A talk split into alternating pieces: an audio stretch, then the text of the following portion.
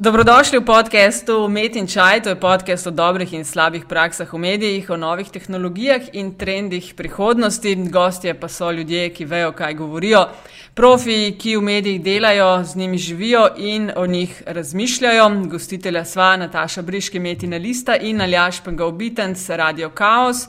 Na Twitterju Afna Pengovski oziroma Afna DC43. Aljaš, živijo. Tudi vam. A si ti opazil, danes bomo namreč potegnila črto čez slovensko medijsko sceno. Najna eh, gosta bosta ustvarjalca, avtorja portala pod črto in spet gostimo. Po aparatu in še enem anžetu, gostimo novega anžeta, to je in seveda Tajo Topolovec in Anževo Boštic, boste gosta, živijo obema. Bravo. A, kaj je to s tem imenom Anže, tako povezano s temi novimi, novomedijskimi praksami? To je zdaj vprašanje za te, ali jaš, preden se bom med samo, samim podcastom verjetno še kdaj zmotila in zamenjala, ali jaš Anže. Za te, ali jaš. Ja, eh, glede na majhnost vzorca ne, in uh, da je data žurnalizem v, v modi, bi težko kakršen koli sklep potegnili, je pa res, da lahko kakšno afero naredimo iz tega. Viš, ampak si dal dobro idejo, pišu, kar res bi bilo za pogled, kakšna je verjetnost, če vam je ime Anže, da boste ustvarili novo medijski projekt. Ok, dost s tem. E, še enkrat, Anže Vok Boščic, Taja Topolovec, e, dobrodošla v podkastu Met in Čaj. E, dejte najprej povedati vsak zase, kakšna je natančno vajna vloga v tem projektu.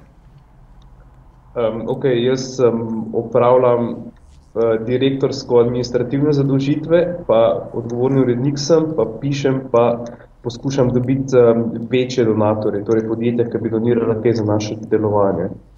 Ok, pa ti taja? Uh, jaz pa se ukvarjam z tehničnim delom, z načrtovanjem uh, spletnih rešitev, z nabiranjem donacij, uh, mikrodonacij od bralcev, pisanjem, pa lekturo. Okay. Pa, pa razpisi, razpisi še nekaj podobnega. Ja, ja, to, ja, no, dobro, to, to res je tudi z razpisno dokumentacijo in podobnimi radosti. O, radosti. To, tega ti neč ne zavidam. To so res radosti vredne svojega denarja. Uh, povejte, zakaj je projekt, kot je projekt pod črtom, raziskovalno, preiskovalno novinarstvo, zakaj Slovenija to potrebuje? Um, No, ta je povedati ta prva, ker jaz sem že, že mogoče toliko povedati, zakaj si se pridružila temu, zakaj mi še to, to Slovenija potrebuje. Ja, mislim, takrat na, zač na začetku, ko je bil v bistvu počrto še v tej svoji prvi uh, idejni oziroma svoji, rečemo, pred beta fazi, se meni zdelo, da je to ena taka, en tak moment, ko je ki ga je treba podpreti eh, z, z svojim delom in svojim znanjem in spraviti v bistvu ta model tega drugačnega novinarstva v neko, neko splošno, mislim, do, do javnosti in pa v bistvu iz tega narediti tudi, tudi nek eh, novinarski standard v Sloveniji. Uh, če lahko, kar jaz, že preden, preden boš ti zdaj povedal še svoj pič, ne, uh, a se ti ne zdi to ne rečem naivno. Mislim, uh, jaz bi rekla, da vsi, ki se ukvarjamo z razno raznimi novomedijskimi projekti, delamo na zelo um, bolestno optimističen in naiven način to, kar počnemo, ker drugače tega ne bi počeli. Uh, ok, šteje. Sam to sem hotel slišati. Že zdaj pa še ti prosim. ja, mislim, jaz sem se čisto iz vlastne izkušnje, ker sem bil na delu pač. Um, nisem imel možnosti razvijati tega novinarstva, predvsem zato pač, ker ni bilo časa in um, sem nekako sklepal, da tudi v drugih medijih tega časa pri nam ne bo. Ne? In pač, če se nekdo hoče s tem ukvarjati, kar se pač mi ukvarjamo z nekimi zgodbami, ki potrebujejo, potrebujejo dalj časa, več analize, da, da je edina možnost, da, da naredimo neki, neki sami nek projekt. Ne? In v bistvu je bilo ta pač največja motivacija um, da sem se v to spustil, ker recimo smo se na, na delu ukvarjali s kakimi zgodbami, ki bi lahko bile res zelo dobre zgodbe, pa pač si imel par dni za to ne, in, in je pač nisi mogel narediti in to, če si kako bi rekel, rekel temu, nek preiskovalni novinar, če hočeš to biti, je to najhujša frustracija. in te pol uh, peljejo take norosti, kot, je, kot ste jih vidva zaumela in uh, utopične, optimistične zgodbe. ja, že ti si v enem intervjuju rekel točno to, ja, da uh, tvoji nekdani uredniki niso imeli posluha za takšen način dela. Pa je bilo, če lahko malo več uh, poveš o tem, ali je bil se je izpostavljalo kot problem denar, kar posledično recimo niste imeli časa, ker se ni dalo več resursov, pa za daljše časovno obdobje uh, nameniti s tem, da bi se dejansko zgodba raziskala, ali sploh niso razumeli, da gre mogoče prihodnost novinarstva tudi v to smer, da je treba malo bolj začeti delati na podatkih, analizirati, iskati trende in iz tega delati zgodbe. Ne samo čakati na neke ne vem, žvižgače, ki ti bojo na mizo nekaj prinesli in uh, pol na podlagi tistega delati. Mislim, se tudi, če ti žvižgač prenese nekaj na mizo, rabi zelo veliko časa, da to obdelaš. Ne? Se problem naših medijev je, da to obdelajo čisto reč pašalno, ampak pustimo to.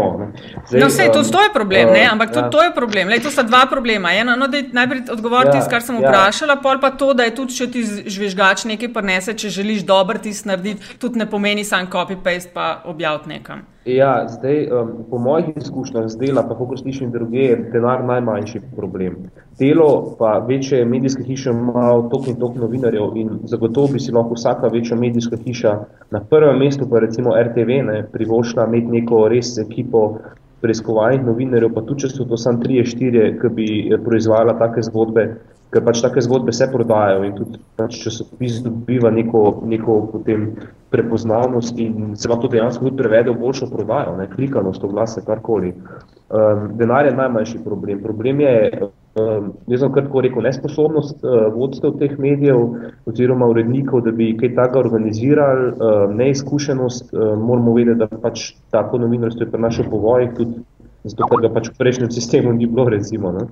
Um, In pa pol te, tem, tretja zadeva pa je, da, da pač ti mediji doskrat morajo, imajo ta model delovanja praktično zdaj vsi, da starejši so redno zaposleni, mlajši so honorarci in potem je treba ta sredstva namenjati starejšim, ki mogoče nimajo neke želje, da bi se s tem ukvarjali, uh, mlajši morajo cepati novice, hoditi po tiskovnih konferencah in um, ni nekih, kako bi temu rekel, sistemskih pogojev za, za tako novinarstvo. Ne. Denar pa mislim, da je, da denar, denar ne bi smel biti izgovor tukaj, no, vsaj pri, pri večjih medijih. Že super, v redu, uh, vsebinsko, da rečem, ideološko postavljeno izhodišče, ampak um, ker nastajanje portala pod črto smo v bistvu, vsaj kar se uh, social media sfere tiče, bolj kaj ne vsi spremljali tako rekoč uživo. In uh, stvar, ki je mene, seveda, ne samo mene, zelo zanimala, je bil tvoj um, poslovni načrt, ki si ga objavil. Uh, in uh, moram reči, da ko sem tisto bral, ne, kot, uh, zdaj se bom vrnil nekaj kilometrine na, na, na medijski sceni, ko sem tisto bral, uh, se mi je zdelo, da si zelo dobro um, izpostavil vse slabosti, nevarnosti, prednosti, kakorkoli uh, to vrstnega početja. Ampak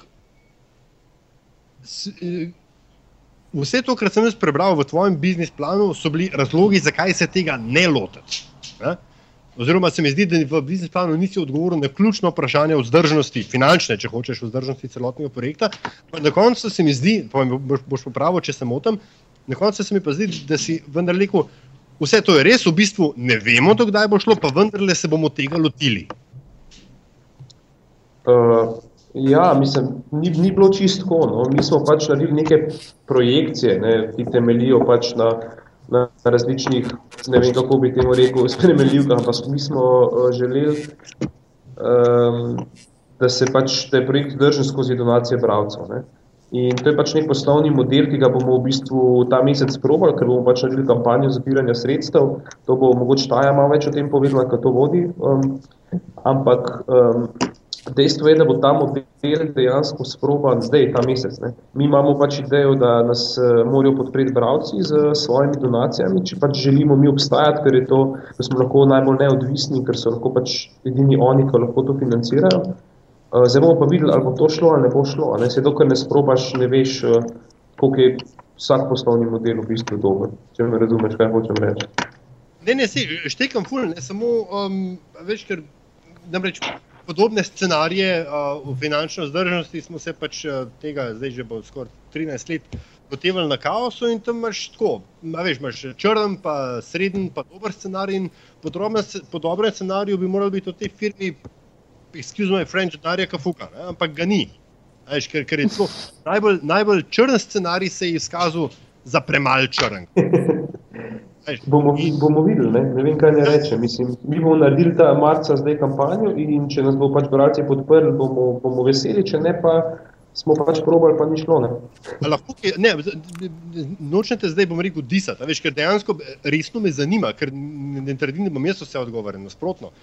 Kakšen je ta, eh, kaj je tisti minimum, zdaj ne vem, ali bodi si v, v, v, v številu uh, uh, subscriberjev oziroma um, donatorjev, bodi si je to, ne, imaš neko cifro v evrih, za katero bi rečeš, pod to cifro se mi ne splača več, oziroma to moram doseči, zato da lahko delamo, ne vem, tri mesece. Ta je oština tole. Ja, mene bi v bistvu najprej zanimalo, kakšen je še bolj črn scenarij od črnega. Prav ne morem si ga zamisliti, kaj bi bil v bistvu. Um, uh, ampak ja, pač stvar je v tem, da mi, mislim, ta trenutek imamo dejansko, oziroma po teh šestih mesecih, rečemo, v te stvari gremo od oktobra dalje, takrat, ko, ko, ko smo v bistvu septembra dobili ta, rečemo, zagonske donacije strani teh prvih bralcev, ki so nas podprli, ko je bil. V, ko je bil počrto še v svoji zelo zgodnji fazi, mi smo zdaj šest mesecev dejansko skušali pokazati, kaj pravzaprav počnemo, kaj želimo, kaj je v bistvu novinarstvo v javnem interesu, ki se ga gremo. Uh, Bravce imamo, zdaj pa je seveda vprašanje, ali ti bravci pač vedo in so pripravljeni podpreti ta tip novinarstva tudi s svojimi donatorskimi sredstvi, ker je to v okolju, medijskem, v katerem se nahajamo, pravzaprav, pravzaprav edini način, na katerega lahko na dolgi rok obstajaš, če imaš torej dovolj aktivistične, lojalne bravce, ki tvoje delo podpirajo.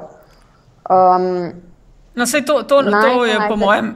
To je po mojem želel Aljaš uh, slišati tudi. A imate, kakšen je mesečni proračun, da lahko še naprej delate to, kar delate? Koliko denarja ocenjujete, da rabite vsak mesec Na. za to? Ali ni te, ni, niste teh projekcij še naredili? Ja, ja seveda imamo narejene te projekcije. Uh, torej, načrt, na, na namen najne kampanje pod pripočrtom, ki jo zdaj v bistvu štartamo, je zbral za naslednjega pol leta delovanja 15 tisoč evrov. To je ta, rečemo, optimisti, ja, od bravcev. To je ta, ta optimistični scenarij, da je v bistvu mogoče s tem sporočilom pod pripočrtom ne samo s tem, da nas bereš, ne samo s tem, da deliš naše vsebine, ampak tudi tako, da nas podpreš z donacijo, da je to v bistvu ta, ta, ta plan, k kateremu stremimo. Ok, dajmo proti koncu še, ali, ali jaš, če se strinjaš, proti koncu še malo več o tej kampanji, s katero boste zdaj štartali. Pa dajte najprej še povedati na strani pod črto, mogoče še malo tega, ta vsebinski del. Ne? Ste se osredotočili na, če sem prav razumela, na gospodarski razvoj, na, na podjetništvo, na okolje in socialno problematiko. Se pravi, nekje pa, eh, te, te sklope imate. Zakaj ste se za to odločili? Um. Ja, mi se v bistvu pokrivamo praktično, kako bi temu rekel, vse hard news, ne? pač nimamo športa, pa kulture, razen če bi tam odkrili neke nepravilnosti, pa bi tudi to, uh, to pokrivali. Ampak to je v bistvu te sklopi, te trije, štiri sklopi so v bistvu tisto, um, kar pač v bistvu so, kako bi rekel, te uh, trde vsebine oziroma uh, celotni družbi. Ja, celotni, celotni trde vsebine ja, ima neko drugo konotacijo, lahko, ampak um, kar je pač uh, treba, o čem je treba pisati v, v družbi, ne, ko pišeš o delovanju družbe. Dobro, pozabljati še pač to preiskovalno novinarstvo, ki je čisto za sebe, ne, ker se lotimo pač kjerkoli zgodbe, z kjerkoli področja, okay. če pač ugotovimo nepravilnosti, tudi če je to financiranje v kulturi, ne vem, športne stave, karkoli bi pač bilo. Ne. Tako, okay. da, um, Tako da ni, je, da kaj ne bi delali, ampak kjerkoli boste zaznali, karkoli ima vezo z vem, korupcijo, denar, nepravilnosti, seveda, takšne in ja. drugačne, pičite noter. Ja. Ja, mislim, naše, naše vodilo je nekako tako, mislim, da bi v bistvu sledimo tem zelo negativnim zgodbam, zato da bi te lahko vodile v neke pozitivne družbene spremembe. Okay, lahko, razložite, lahko razložite še sam ustroj spletne strani. Uh, cel projekt se nekako na, na dosjeje, na vsebine, na podatkovne zbirke. Dajte malo več o tem povedati. Kaj so dosjeji, kaj spada pod vsebine, kaj boste delali s mm, podatkovnimi mm, zbirkami? Kaj boš ti ali bom jaz? Če, če to, ja če, če je to v bistvu redniško vprašanje, jaz, uh, ja, mislim, pod vse smo dali zadevo, to, da se eno zadevo lažje spremlja. Ne? Ker uh, imaš problem, seveda, v dnevni časopisi, ki je vse pomešan in pač v dosjeju, ne vem, pa če te zanima zdravstvo, lahko v tem dosjeju prebereš vse, kar smo pisali na to temo. Um, podatkovne zbirke so čisto poseben razdelek, kjer pač eh, javno objavljamo vse te zbirke podatkov, ki jih mi pridobimo, z neko željo, da bi tudi um, potem bravci sami uh, morda kaj s tem naredili. Ne? uh, v smislu, da, da, da se lotijo sami analiziranja te zbirke, da lahko sami pogledajo, ne vem, katera, katera podjetja so kdaj kakšne inšpekcije kaznovali, da se lahko uh, sami odločijo, kje bo kaj kupovali, ne glede na, na podlagi teh podatkov. Um, tako da v bistvu se nam zdi to ena zelo pomembna funkcija, ki bi jo radi upravljali, da odpremo te podatke tudi drugim. Um, ja. Že, če lahko, gledaj, kar klele noter, jaz uh, uskočam z, z uh, surovimi podatki, ki jih pač vi oblikujete, naredite zgodbo, kakorkoli. Um, to, to mi je bil, vsaj kar se, kar se mojega površnega, oziroma spremljanja slovenske medijske krajine z enim očesom, tiče dosta uh, nov, ne bom rekel inovativen, ampak nov, nov uh, pristop. Na kar potem opazim, A veš, če je mogoče še isti dan ali pa kakšen dan kasneje, da večji, starejši, da rečem bolj dominantni, ne, to je tak primer, eh, aktualen izraz eh, mediji, to isto naredijo, istimi podatki in pa sej ne, da pol rečejo ekskluzivno, ampak se delajo, da tvojega nikoli ni bilo.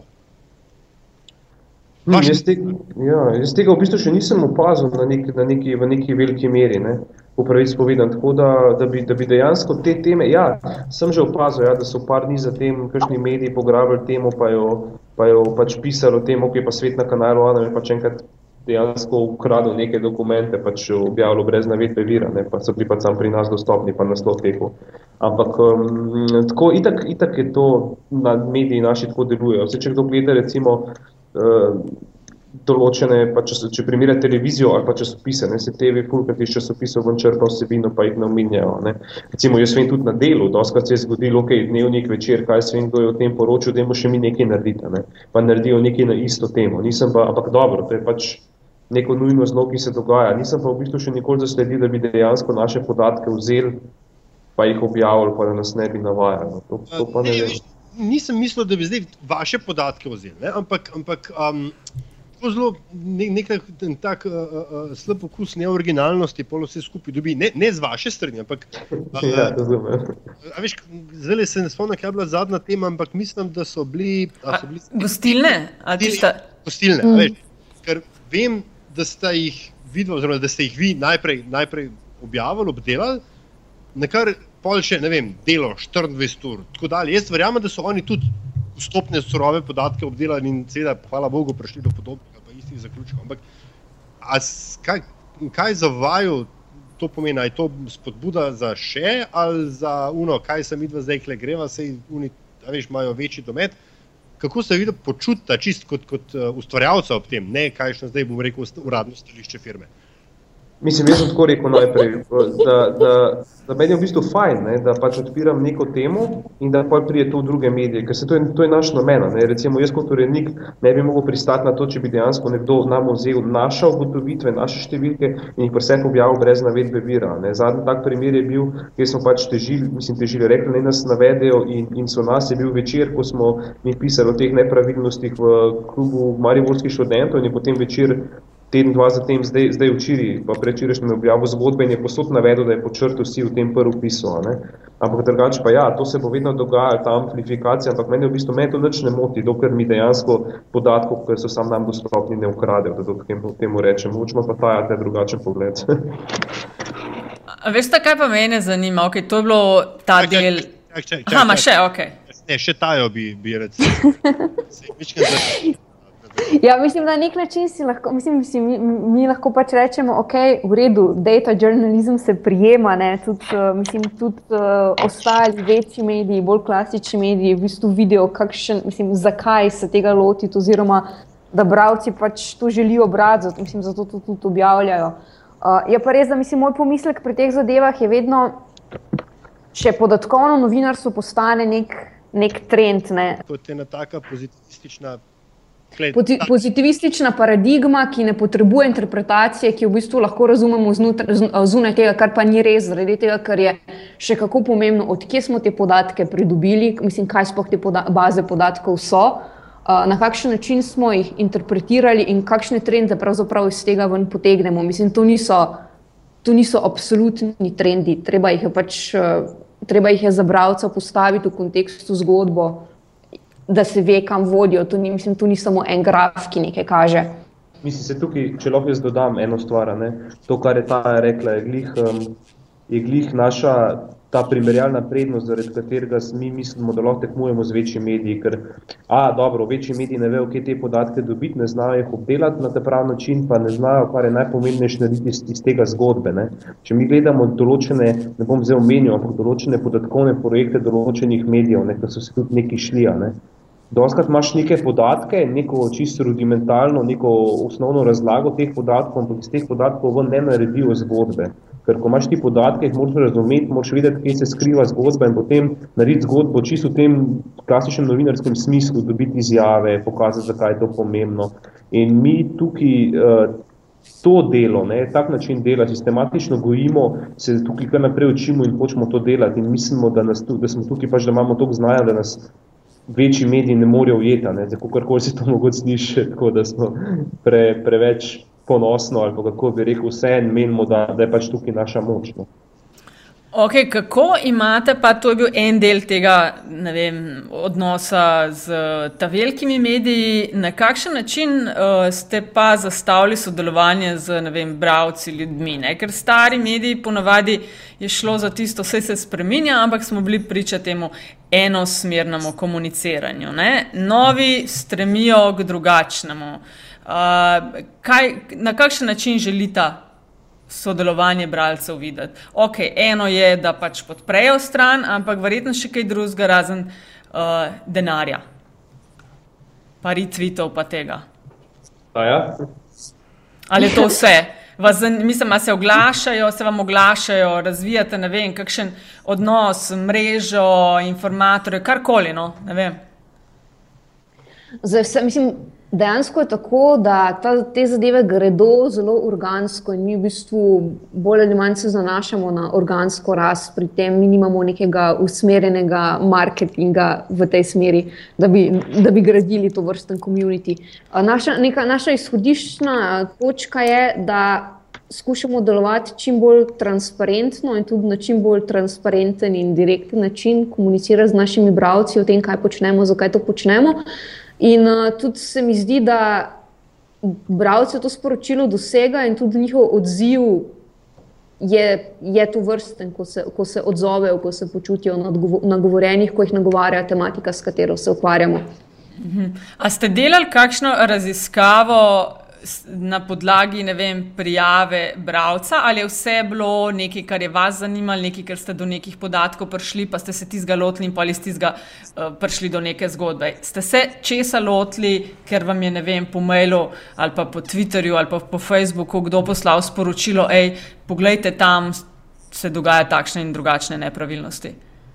Ja, en primer take zgodbe, en primer take zgodbe je bil uh, te. Um, bančni, uh, bančni stroški za SP-je, če ste videli, ki je bila pa tudi kar v redu brana, pač kako um, banke ne pustijo SP-jem odpreti osebnega računa, ki je pač mnogo cenejši od poslovnega, ne, čeprav jim to zakonodaja dovoljuje, pa smo pač šli ugotavljati, zakaj je tako. Um, tudi, a, mislim, to je, mislim, tle sta verjetno dva načina. Eno je ta, ja, nek odkrit način, da ti napiše, da je poglej malo tole, a ne. Pač ja. to, to smo delali na podlagi teh, teh kako bi rekel, pozival. Ne? In ta primer, ki sem ga zdaj opisal, je bil tak. Drugi primer je bil tako klasičen, da se ti neki žvižgači, neki ljudje z informacij zasebno javijo, lete, jaz pa imam tole dokumente, temo pač ne bi rad bil, ampak vam, vam dam. To pa seveda dela vsak medij ne? in pač pridobiva podatke od takih, od takih ljudi. Tako da mi, mi pač dejansko delamo oboje. Je pa, je pa res, da doskrat, pa pač to je pa problem v vseh medijih, ne? pač doskrat tudi kakšen bralca, pa ne vem, kdo napiše mail, ja, uh, tam ne v te pa te podjetju, pa se dogaja take pa take nepravilnosti, pejte malo pogledati. Ne. Ampak to je bilo dobro, upam, mislim, zato to javno povem, da pač, če nam ne dajo nekaj upremljivega, nekaj dokumentov, mi, mi težko pol tako zgodbo zagrabimo. Mm -hmm. Potem imamo pa še v bistvu tretji način, ker mi dejansko njih uh, direktno nagovorimo, da bi želeli sodelovati z njimi. Mislim, to to je ena izmed zadev, ki jo šele razvijamo, kjer dejansko pač javno pozovemo bralce, da, da sodelujejo z nami na način, da nam predstavijo svojo zgodbo oziroma posredujejo podatke, ki jih potrebujemo. Mm -hmm. Mislim, primer tega je, je tale, ja, RTV ne, uh, in honorarci mm. na, na področju RTV-ja in potem smo dali pač poziv, ne nam pač ne z nami delijo honorarni sodelavci v medijih pač svoje zgodbe, ne, ker dela mm -hmm. pač v precej slabših pokojih kot redno zaposleni in smo pač neki zgodb dobili. Ne. Zdaj bomo videli, kaj bomo iz te zgodb naredili, jaz določene članke že planiramo, Um, ampak um, tukaj smo tudi poskušali to, ja, kako je ta rekla, ker določeni mediji, recimo ProPublico v Ameriki, to kar precej dela za svoje teme ne, in zbira neke vtise z odbravcev, ko se loteva neke problematike. Ne, tako, -hmm. da, da smo tudi mi to poskušali. Sam je pa res, da smo, da smo kadrovsko pač precej omejeni, bi tega morda celo malo več radi delali. -hmm. Ok, bom jaz kar preskočil ritem, pa rekel, koliko ljudi Anže ocenjuješ, da bi rabo, zato da bi v normalno delo. No? To, to je taka mehka medijska kategorija. Jaz, jaz bi ene tri tukaj prdel s rabo. Koliko bi še dodatno? Bi ja, mislim, če bi imeli en tip ekipo štirih ljudi, ki bi delali na portalu Fulta, mislim, da bi bilo že to kar urejeno. Bi se strinjal s tem. Okay. Okay, povejte mi, kaj dobivate odzive ljudi, bralcev. Uh, kaj je tisto, kar hvalijo pri tem, kar delate, in kaj so bile morebitne kritike, ali pa kaj bi folk več hotel, ali pa karkoli.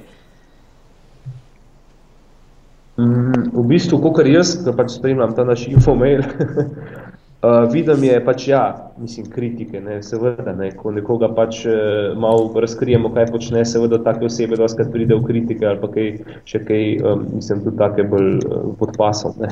No, no, zdaj to me zanima, ne, to me tudi. Pa, uh, ja, drugač pa ne, mislim, kritike dejansko res normalne. Mislim, jaz praktično s komorkoli pogovarjam, se mu zdi zelo fajn. Zdaj, ja, morda bi si jaz želel, da je kakšno kritiko, konstruktivno kritiko, da se razumemo več slišati. Tako ja. da je tega zelo malo. No. Ja, ker razkrivate, mislim, dosti je takšno, kot si rekel, ne, hard news eh, prej in se zadeneš v neke lobije, v neke dosti pomembne ljudi. Se pravi, da so se vam že oglašali v mailu, pisali in vam. Eh, kot bi rekel Anže Tomič, eh, jebal pa tri pikice?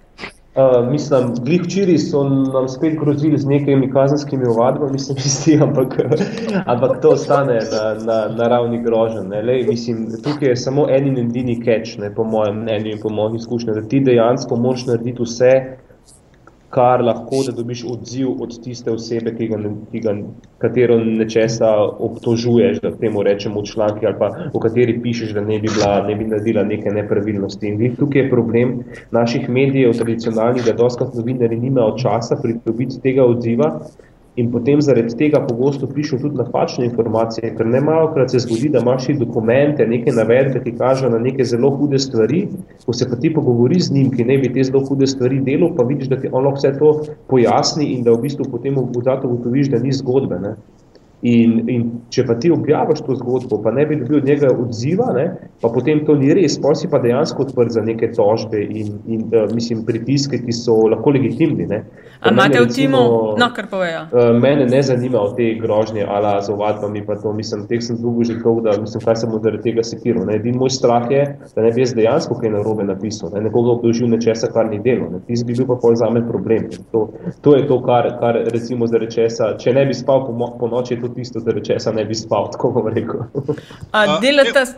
ja, ok, Nataša, dej ti pa bom. Sam to, kar je ravno o tem govoril, uh, teh pritiskih, pa pol, koliko je tudi fajn, da je pravno vse jasno. A sodelujete s kakšnim pravnikom, ker to je tako ponavadi velike hiše, kadar delajo uh, takšne občutljive zadeve, imajo tudi ta eh, nek uh, clearance pravni, iščejo. da Ja, ja, z mojih izkušnjah je to bilo tako, tako v teh hišah, ampak imamo, imamo enega, imamo enega pač pravnika, do katerega nam pač eh, brezplačno pomaga in pač vsakemu čast in mu pač pokažemo vnaprej tekste, se ki so bili bili občutljivi, se pogovorimo o kakšnih aspektih tega dela, kaj lahko, kje preveč tvegamo in pač imamo v glavnem. To je pač nujno, ne? Brez, tega, brez tega bi zelo težko delali. Ja, se za to, izvoli Aljaš. Ja, no, dve stvari sem hotel reči. Uh, najprej glede um, bom rekel, upletanja ne, po koprivah. Uh, nekak, nekako že te razumem, da je zase vseeno. Ne, v končni fazi to delaš uh, in zdaj, če te bo kdo ovadil, tožil, karkoli, je pač to. Um, nekako smo navajeni, ne, da hodimo z glavo v torbi. Ampak zdaj nisi več sam. Zdaj si a veš, odgovoren tudi, da tako rečem, za tajo. Ne. Um, Ali pa taja za njega. Lej, pa, veš, načeloma je Anže pointman. ne. Ja, ja.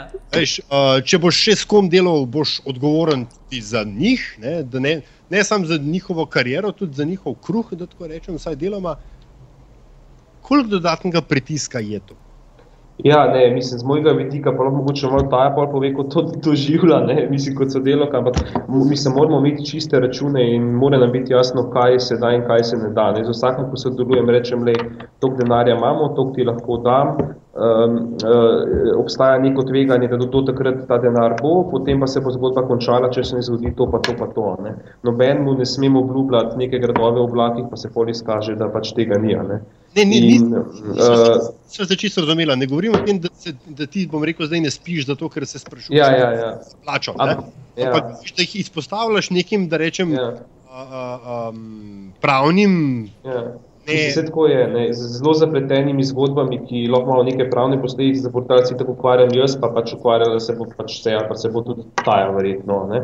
Uh, recimo za nani, ali pa dobro, tista pač zdaj je ena punca pisala pač o, o teh nepravilnostih v KMŠ, ampak um, tukaj pač ja, treba je biti seznanjen s tem, kaj se lahko zgodi, vprašati odvetnika in se potem tudi na koncu avtorju rečeš, lej, tveganja so taka, um, uh, morate se znati s temi tveganji, zdaj se pa odloča. Ne? Tudi če boš delal preiskovalno novinarstvo, boš, uh, boš deležen nekih pritiskov in pač moraš videti, da si človek, lahko to preneseš ali nisi. In če misliš, če se težko z njimi soočati, uh, ne bo čisto nič narobe, če rečeš, oprosti, jaz se tega ne grem več. Ne? Tudi če si na polovici zgodbe ali pa tudi če imamo že napisan članek, pa ga pač zaradi tega ne bomo objavili. Ne? Pač moraš, moraš pač se vedeti, s čim se soočaš, če sodeluješ z nami ne, in kakšne so lahko posledice. Moja naloga pa je, da ti, to, da ti to čim bolj pojasnim. Ne. Je pa tudi res, da jaz bom vedno poskušal vse neke posledice vleči nas, ne, ker sem jaz odgovorni urednik in pač, če se koga toži, se toži mene, ne, ker sem jaz pač ta, ki je dal te informacije ven in pač jaz vse pregledam in nosim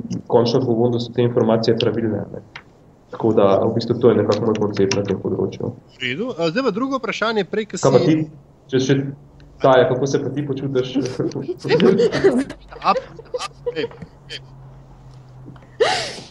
Mislim, tega tak, kako ne rečem, na nek način je pač počrtal v vseh aspektih eh, visoko tvegan projekt. In mislim, ko so se mi dva tega lotila na način, kot smo se, sva dejansko, mislim. Oba dva predvsej dobro vedela, v kaj se spuščava. Mislim, mislim da ne, ne mogoče v kaj se spuščava, zaradi tega, ker konec koncev se stvari pokažejo skozi čas, ko delaš, ampak da dejansko pač.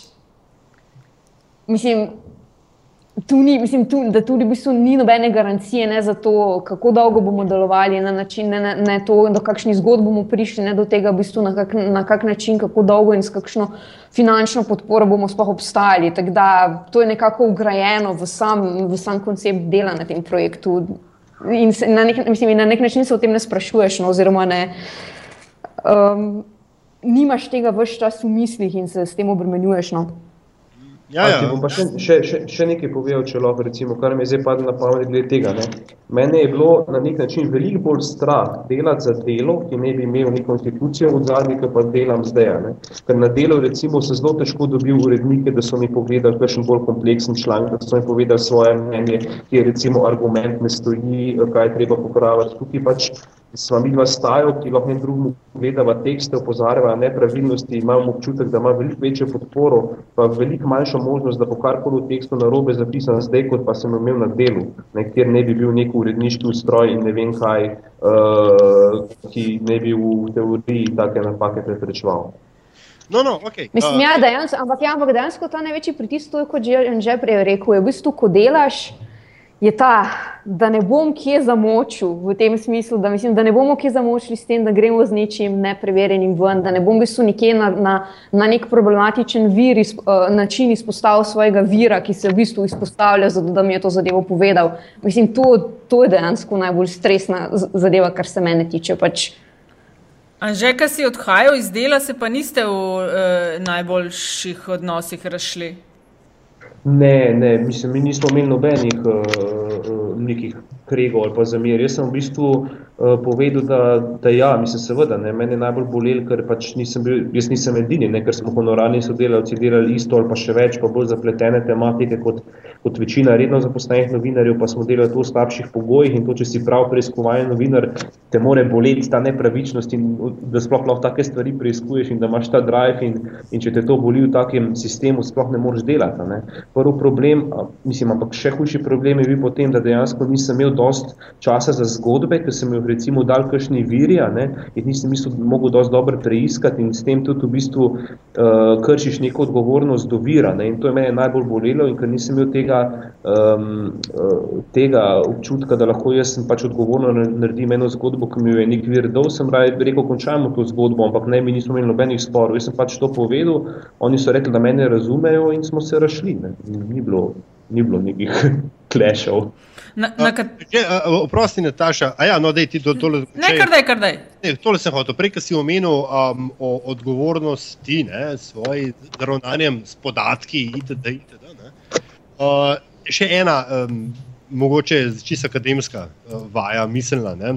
Glede na to, da je, ker to snemamo v petek, pred dobre tri četrture ministrica za visoko šolstvo, znanost in kaj že ne, ja, to odstopila, ker je preveč zaslužila v 12 letih zadnjih. A, kaj bi, bi ti naredil tako zgodbo, kot so jo naredili uh, te veliki mediji iz teh podatkov KPK? -ja? O ministrici, mislim, ne, se jih tukaj ta problema. Um, um, jaz. Um, Jaz, mislim, ta zgodba, jaz te zgodbe samo ne spremljam, ker ima spet čist premalo konteksta. Mislim, mene je to, da ona odstopila, res presenetilo. Mislim, jaz, jaz ne vem, ali so bili ti zaslužki upravičeni ali ne, ne, ok, izgledajo res visoki, ne. Mislim, jaz ne vem, kaj je ta punca uh, mislim, ta punca, sorry, ministrica za, za ta denar uh, počela, ampak siguren si kot brat želi malo več vedeti, zakaj je to problematično. Ampak, ampak ima pa ta mislim, problem. Jaz pač uh, vedno manj spremljam te resne medije. Jaz preletim naslove, če se zgodi kaj takega, kar je povezano z zgodbami, ki jih mi delamo, ne? uh, pa da malo dobim feeling, kaj se dogaja, ampak zelo malo, drugače pa zelo malo berem poglobljeno zgodbe naših medijev. Tako da v bistvu sploh ne vem čisto točno, zakaj se um, zakaj se v tem primeru gre. Se mi pa zdi, kot sem rekel, da sem opazil, da je tle, um, da je tle problem, ker ni tega konteksta od zadnji, o, o številkah. Mislim, ali je ta gospa, ne vem, izdala neke fiktivne račune, ne vem, ali je, ali je, ali je dvojno zaračunavala svoje delo, pojma nimam, kaj, kaj je delala. Ne? In, in dvomom pa tudi, da bi v teh parih dneh lahko to kakršnokoli medij ugotovil.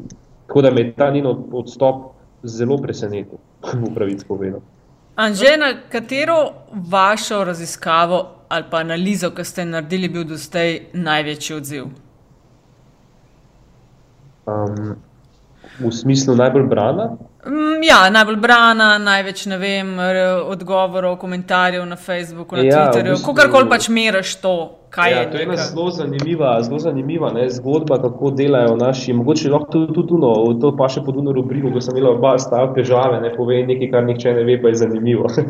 kako, kako delujejo ti naši mediji. Um, da recimo mi smo, mislim, da novembra, ne me zdaj za besedo držati, ampak oktobra in novembra smo objavili zemljevid pekarn, ki jih je leta 2013 pa 2014 kaznovala ta nova inšpekcija uh, uh, za varno ja. hrano. Ne? In smo dobili, ne vem, 3000 klikov. Ne? Potem pa je decembra uh, ta inšpekcija naredila še ta en nadzor uh, in, in potem so vsi mediji objavili, da je bil nadzor v pekarnah in da so odkrili ne vem kakšno umazanije, ne? ampak takrat inšpekcija še ni dala ven rezultate po posameznih pekarnah, katere so imele recimo slabe higienske pogoje. In takrat so, so bravci našli ta naš star članek, že takrat en mesec star članek, ki je pač um, prikazal rezultate vseh nadzorov po pekarnah do decembra. Ne. Te še niso bili decembrski, ker jih inšpekcija ni dala, so bili pa vsi prej za dve leti, ker smo jih mi zahtevali pridobiti po zakonu dostopu do informacij javnega značaja. In takrat je bil ta članek, ne vem, v, v enem tednu 70 tašnih klikov. Ne.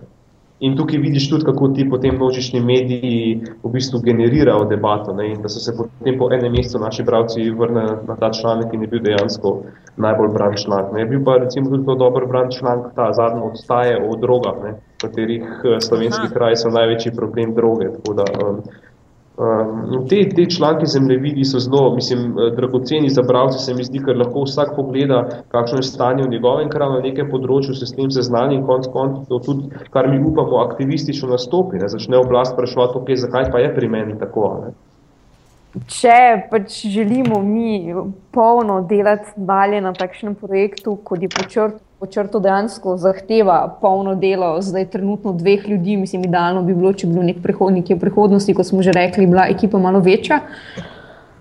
Pač potrebujemo finančno sredstvo za to, in uh, namen te kampanje je dejansko testirati, ali so nas bravci pripravljeni podpreti na ta način, ali so na ta način pripravljeni podpreti to vrstno novinarstvo.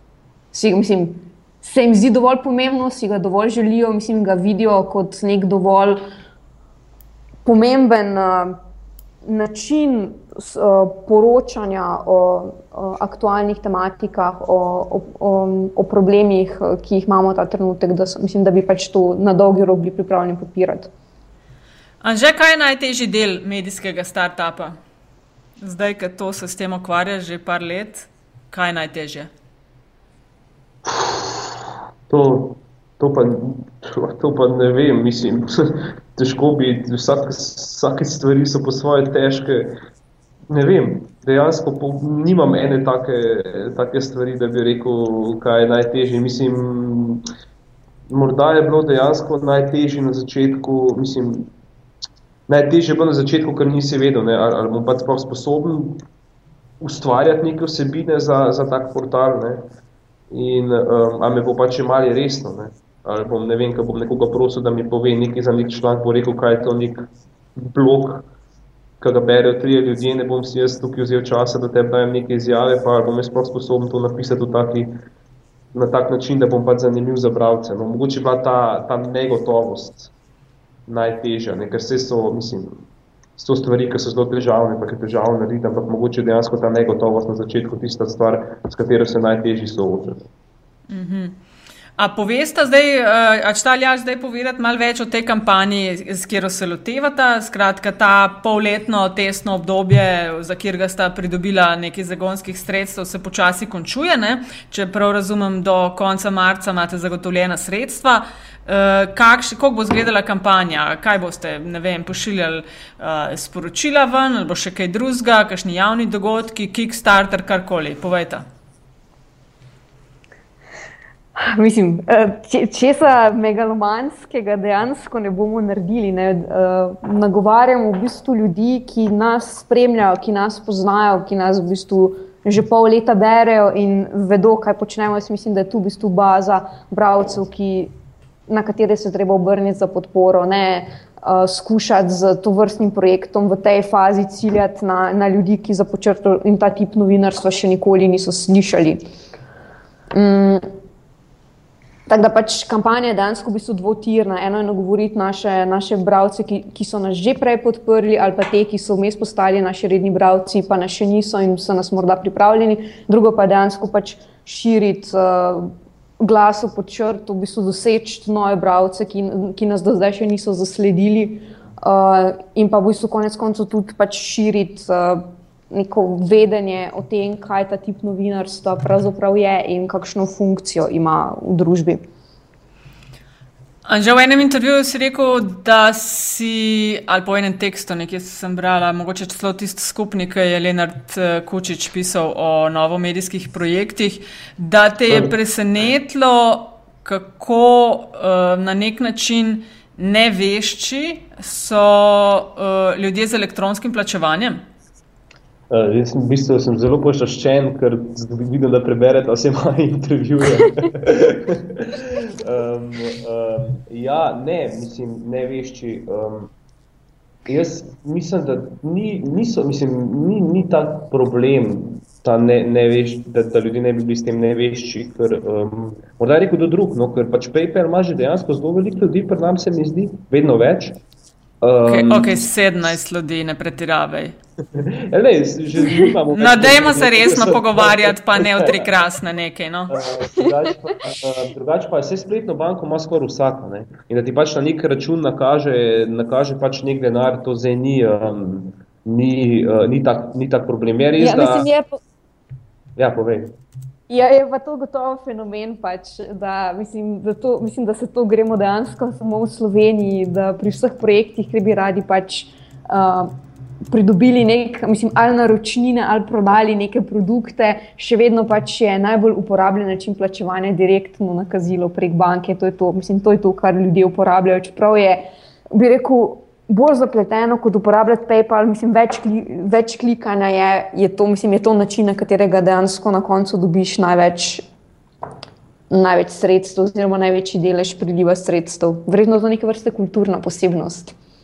Bi bilo pa zanimivo ugotoviti, zakaj pravzaprav. Ja, ker Slovenija, vendar, ne? ampak jaz še vedno. Ne, mislim, ne, po mojem, morda zato, ker nima, mislim, nima toliko ljudi kreditnih kartic, kot mi mislimo, da jih ima. No, jaz jo nisem videl, da prek IBAN ali nekaj že. Skratka, a, a, jaz nimam kredita, no, če smo že pri tem. Če, čeprav tukaj se dogaja ena revolucija, ne, ne vem, če ste opazili, da velik bank menja te svoje maestro kartice za te visa, visa debit kartice, ja, kaj so. Ne. In s temi visa debit se pa dejansko da prijaviti v PayPal. Ne. No, tisto debetno kartico v bistvu potem prek PayPala plačuje stvari. Tako da, se, če se bo ljudje na to navadili, bo to tudi PayPal postal ful bolj uporaben, kot je zdaj. Tega mislim, da se veliko ljudi še ne zaveda, ampak jaz sem že sprobil, ker tudi nimam kreditne in lahko pač prek visa debit kartice plačujem plačujem, prek PayPala, tako da to, to se mi zdi, da je kar dober um, zaslug stvari. No. Veš, kaj so. Kaj, Pa je bila ena od ključnih napak, ki smo jo na kaosu naredili, da smo z vidika marketinga izhajali samih sebe. Ne? To so mi nekje na, nekje na sredi razložili. Ampak, gledaj, da ne bom preveč uh, negativen. Uh, Lahko sem za sekundico, a, a se kje navezuje, ker sem našla tisti članek, kjer je Anže to rekel s plačevanjem. Ojoj. Anže Bog Boščic pa je opozoril, da uporabniki nimajo težav samo z dostopom do vsebin, ampak tudi z elektronskim plačevanjem.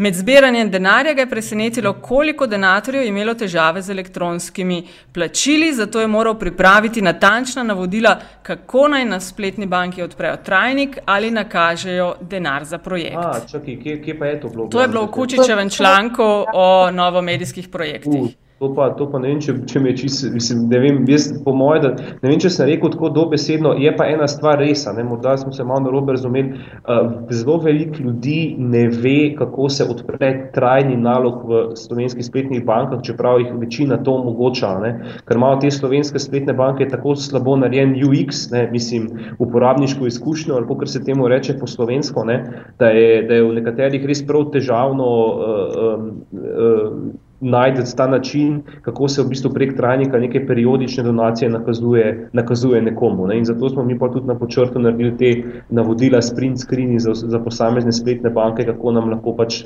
si naklikajo obravci v tej spletni banki, če nam hočejo dati periodično donacijo prek, prek trajnega naloga. To pa je res, ne? tukaj pa so težave. Jaz sem na to v bistvu upozarjal. Mhm. No, zdaj, se, se od gnara pogovarjamo, kot bi rekli, gorenci. Povedala sta, koliko koliko šuškov bi se vidva želela, oziroma kaj je ta nek optimističen cilj. Ampak na vprašanje, koliko je pa tisti uh, uh, uh, osnovni minimum, ne, pod katerega se pa ne morete spustiti, pa niste odgovorila. Tako da zdaj si predstavljate, da privijam ta vijak. Ta je boš ti povedala. Kdaj boste rekla, ne gremo vse več, ne da se? Ja, pa, pa, ne me narobe, da ful, ne želim si, da bi morala to reči, nasprotno. Ne? Ampak. A, um, Ne veš, kako je. Ne? Lej, je ne? Mi težko je, težko je, mislim, vedeti, ja, če dobimo, vem, 14.990 evrov, ne, bo pač ok. Ne? Če dobimo 3.000 evrov, pač se ne gremo več tega. Ne? Um, mi dva sicer, ok, smo si postavili neke, neke cilje, pač koliko bi radi, um, koliko je nek, nek minimum, ne, uh, prek pod katerega pač ne moramo iti in pač najno delo nima nekega, nekako več smisla. Ne. Um, sam zdaj ta minimum je tako, ne, pač mi, mi ostajamo s tem, da pač mi si želimo to zbrati. Ne. Če bomo zbrali bistveno manj, ne, bistveno manj, pa se pač projekta ne bomo več, uh, mislim, da se tukaj kar stajo, pa strinjam, da se pač tega projekta ne bomo ne bomo več šli vsaj na taki obliki, ki se, se gremo pa zdaj. No. Ta, ja, bi še ti glede, če ti dodaj svoje mnenje. Mislim, ja, sej, uh, pač logično je, da z nič podpore ne moremo delovati in sploh ne na dolgi rok, kakršen je, mislim, kakršen je tu konec koncev plan. Ampak uh, se mi zdi, da nismo še tam, da bi se morali ukvarjati z, z B scenarijem oziroma z tem, s tem možnosti, kaj pa potem. Zdaj, mislim, da smo še vedno v tem fokusu, dalo se bo. Ne, ne, sej, mislim, to mi je super, ne, resnično ne bi narobe razumeti. Ampak, veš, a, a, jaz sploh, bom rekel, zelo z radijske scene izhajam. Ne, veš, ne vem, koliko to poznate, ampak na, na, po eni strani je na uh, radijski sceni krvi do kolen, po drugi strani je igralcev popolnoma preveč za tok majhen trg, ki je razlog, da pa jih je pa ta, da marsikdo ne zna reči dovolj je, ali pa se mu ne splača, ali pa noče, ali pa noče predati. Ker veliko ljudi je vstopilo v to igro um, z pač plan A je tak, plan B pa je, da plan A rad. In, in, in, Ne vem, se mi zdi, e, enostavno ena od inovacij na medijskem trgu se mi zdi, da bi bila tudi, da bi pač nekdo čist zdravo, razumsko, ne pod pritiskom zunanjih okoliščin, na neki točki rekel: Evo, ljubčki, zato ker imamo sami sebe preveč radi, bomo zgodbo zaključili. Sej. No, sej, mislim, nekako najna, mislim, najna filozofija v zadju to je, ne, mislim, ne, ne, ne zdaj za vsako ceno. Ja, z glavo skozi zid tam, kjer se zdi, da se ne da, vsekakor, ampak eh, ne pa ustrajati v nekem limbu, iz katerega ni mogoče priti in ki nikamor ne vodi. Pa tukaj je še en drug koncept, če smem dodati. Ker se pač tu stajajo, dosta pogovarjali o tem, mislim, da je prišlo do nekega skupnega zaključka, da dejansko so bravci tista najna validacija, ki da vrednost temu projektu, pa ki pove, ali ta projekt je vreden, da ga delamo dalje ali ni vreden. Ne. Ni samo v smislu mi dva, ali lahko mi dva, ali bova živela s 500 evri ali s 1500 ali 3000 evri, na mesec, ne, ali pa bomo pač, če bomo na 500 evrov zaključili zadevo in šli kaj bolj denarno produktivnega delati. Ampak je tudi to, da mi dva, oziroma vsaj jaz ne vidim smisla v tem projektu, če, ne, če, ne, če nam bravci prek svoje podpore ne pokažejo, da smo relevantni. Ne. Ker mi želimo res pisati za bravce, nočemo, za bravce, nočemo pisati za razpise, nočemo pisati za, za podjetja, ne. nočemo pisati za, za oglaševalce. Sej razpisi pa podjetja želimo, da nam pomagajo v tej začetni fazi in podjetja, hvala Bogu, da nam določena. Ne? Ampak v konec koncev mi delamo za bravce in če bo oni pokazali, da pač nismo, nismo relevantni zaradi bilo, bilo česa že, ne? mogoče naše zgodbe niso dovolj dobre, ne? potem eh, je to v bistvu nam, nam vzame tist, tist, vsaj meni vzame tiste lan, zaradi česa sem se jaz spustil v to zgodbo in delam portal.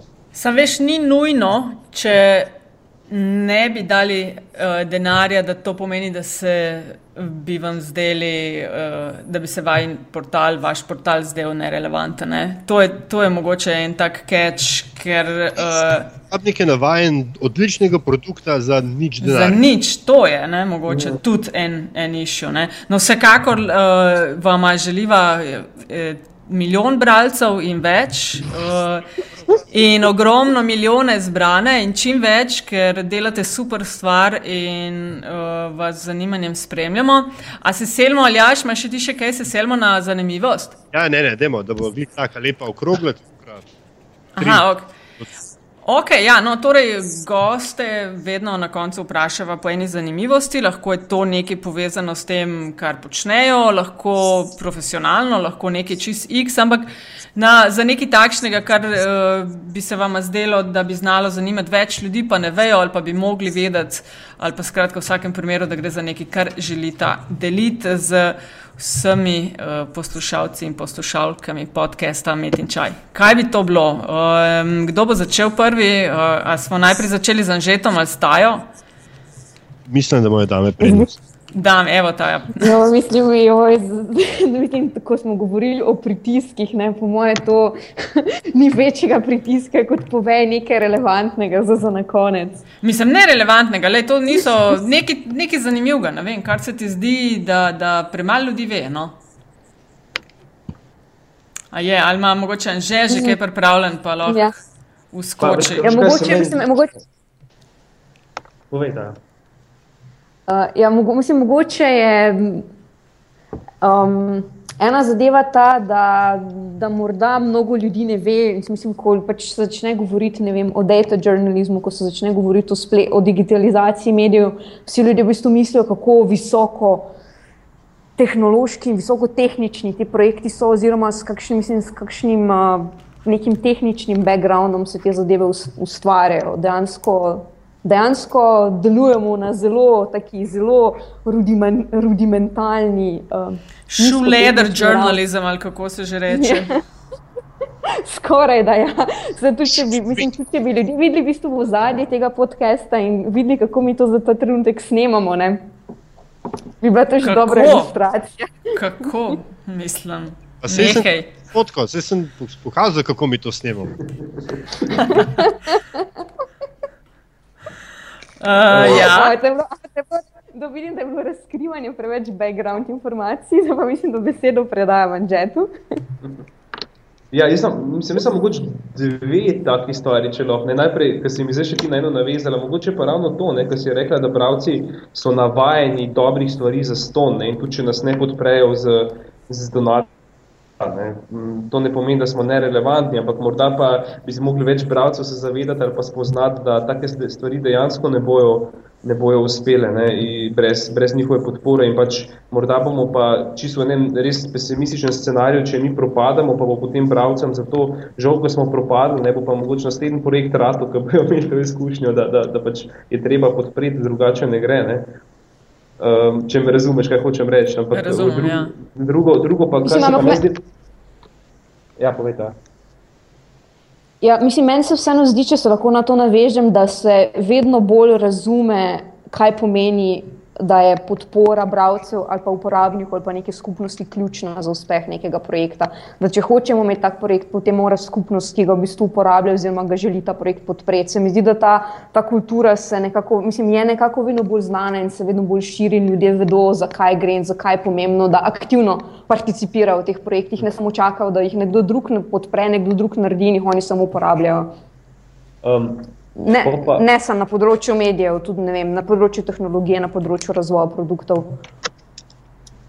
Um, druga stvar, ki sem pa hotel omeniti, je pa to, da, da mogoče kar ljudje ne vejo, da, da dejansko obstajajo ful dobre stvari, ki jih delajo tuji mediji. Ne? Pa se mi zdi, da se slovenski in novinari in pač pol širša publika premalo zavedajo, pač, koliko dobre stvari se da narediti. Tu z nekimi relativno preprostimi orodji, kot je naredila Taja obstaja v svetu fur velik teh outletov medijskih, kot so, kot so ProPublica, kot so Center for Public Integrity. Uh, pač, če zgrejo bralci na naš pač pogledati, komu, komu mi sledimo na Twitterju, bodo dobili tak šopek teh, uh, teh medijev in uh, v bistvu bi si ful želel, da bi, da bi tudi uh, predvsem najprej novinarska publika, pa pa tudi ostali spoznali, pač kakšne dobre stvari se da delati s pravilnimi novinarskimi tehniki, tehnikami, Um, in se pač kaj iz tega naučili in tudi pri nas dvignili malo ta nivo, uh, nivo poročanja in delanja zgodb. No. Imamo še kaj, ali jaš? Ne, tole, eh, tole je naravno čudovito, bilo zdaj na koncu povedano. Čudovit ja. zaključek. Anževok Boštic in Taja Topolovec pod črto, najlepša hvala. Uh, Afna pod črto je uh, Twitter račun, kjer se vas dvaju da dobiti. Uh, Taja, ti imaš še svojega, ne? Ja, tako je. Ta, et, ta je top. Ta je top, ok. Um, želim vam, no, res, uh, v bistvu, oba skupaj in vsi, da čim bolj uspe vse skupaj, uh, da bo ta kampanja obrodila sadove in vse to, kar si želite. Hvala lepa še enkrat vama za gostovanje v Metinem čaju.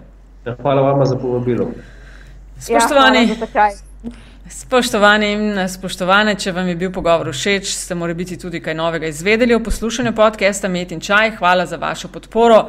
Na družbenih omrežjih pa i šire komentarji in predlogi, kaj bi se še dalo, katere goste naj povabimo. Vse to dobrodošlo na infoafnametinalista.si. Uh, to je to, če želite podpreti naše ustvarjene vsebin, pa to lahko storite na povezavi priloženi na spletni strani. Hvala vsem. Hvala. Čau.